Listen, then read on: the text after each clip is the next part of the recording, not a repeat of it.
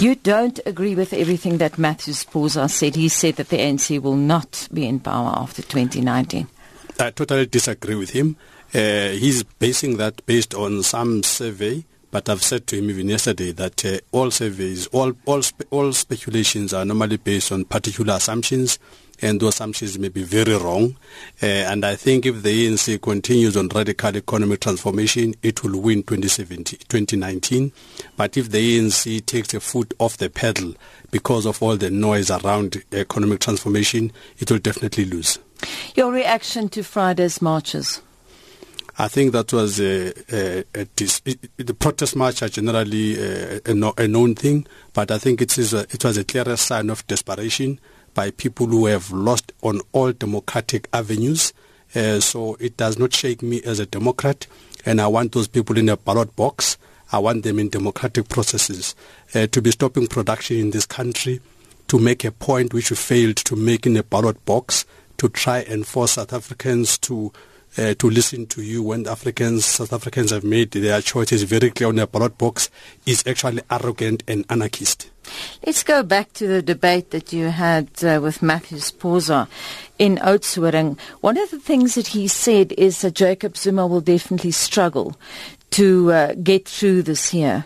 You believe something different? Yeah, very, very, very different. I think uh, he should have taken his cue from the uh, vote of no confidence that Hanekom tried at the NEC, which failed dismally.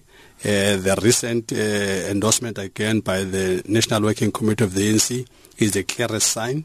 And as we sit here and now, parliamentarians uh, that have been put there through the ANC vote know their line, and their line is not to support the motion of no confidence. And therefore, President Zuma continues to enjoy the support, groundswell support of the people that actually put him there he continues not to have the support of those that didn't want him there in the first place. So nothing new here. Mm-hmm. You also said that uh, you want to hurt people with the truth mm-hmm. rather than comfort them with lies. What kind of lies are you referring to? It's exactly all of these things that people are saying uh, uh, about about uh, creating false expectations that President Zuma is about to step down and all this. Uh, this is a false hope. It's not going to happen. People must just live with the reality. The reality is that the ANC on the ground uh, is very much in support of President Zuma, and that's what matters. People that are in leadership of the ANC are not there by themselves, are there to execute the mandate of the branches. Branches of the ANC are fully behind President Zuma. As we sit here and now, you have not heard one branch saying anything different. One or two of the leaders could say their own thing, which uh, they do not even uh, cannot even trace it to any uh, general general uh, meeting of the ANC. So, so, so therefore, it's false expectations.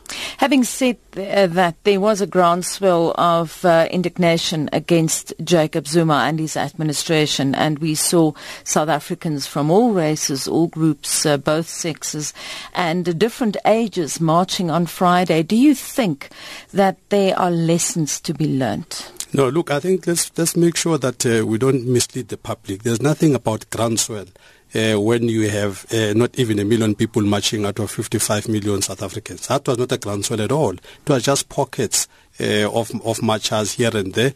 Uh, life continued uh, by four o'clock. The streets were clear.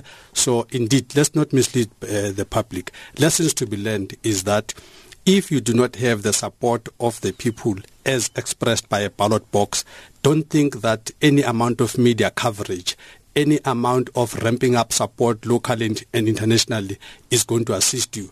The people of South Africa, in their overwhelming majority, prefer to be led by African National Congress. We have a lot of coloured South Africans listening to Monitor, and uh, you explained in the Karoo your infamous statement that coloureds were over-concentrated in the Western Cape and that it was an attempt to empower them and not to insult the group. Uh, since we have so many coloured listeners, maybe you would like to address very briefly, yourself to them. Very briefly. Uh, let's just say, uh, let's very briefly. Uh, I did say there that uh, my my comments were maliciously taken out of context. Uh, the first point to make is that I made these comments in 2010 the eruption happened in 2011. That should tell you in the first place as to why such a delay. The delay is because those that were listening to KykNET at the time understood the context. And the context was that as a DG of Labour in, uh, responsible for uh, uh, normalization of the, of the market, of the labour market, the point I was making is that in fact this was uh, pertaining to management, uh, management levels to say that uh, if you look at the the companies in other parts of the country, in Mpumalanga, for instance, companies there, uh, even today are battling to make the numbers in terms of colored people because coloreds in Mpumalanga are about 0.4 percent, coloreds in the northwest about maybe 0.7 percent, coloreds in Gauteng are maybe around 4.5 percent. So companies in various all other parts of the country, except for Western Cape uh, and maybe Northern Cape, uh, are not able to make the numbers. So the point that I made was that colored people must understand, and I still make this point, colored people must understand that they own the rest of South Africa, not just Western Cape. That was the point, and therefore, they must. Uh, my, the point was that if they go to these other parts uh, of the country, they will be first in line there. So it was a point made to empower colored people rather than to denigrate them, and I think. Uh, the, all, and I think the, the, the, important point to make here is that the focus was on management. Management as a skill, as a commodity, is universal. Any manager of any industry can go anywhere. The issue is with the blue collar. This was not even meant for the blue collar. The blue collar is a different matter.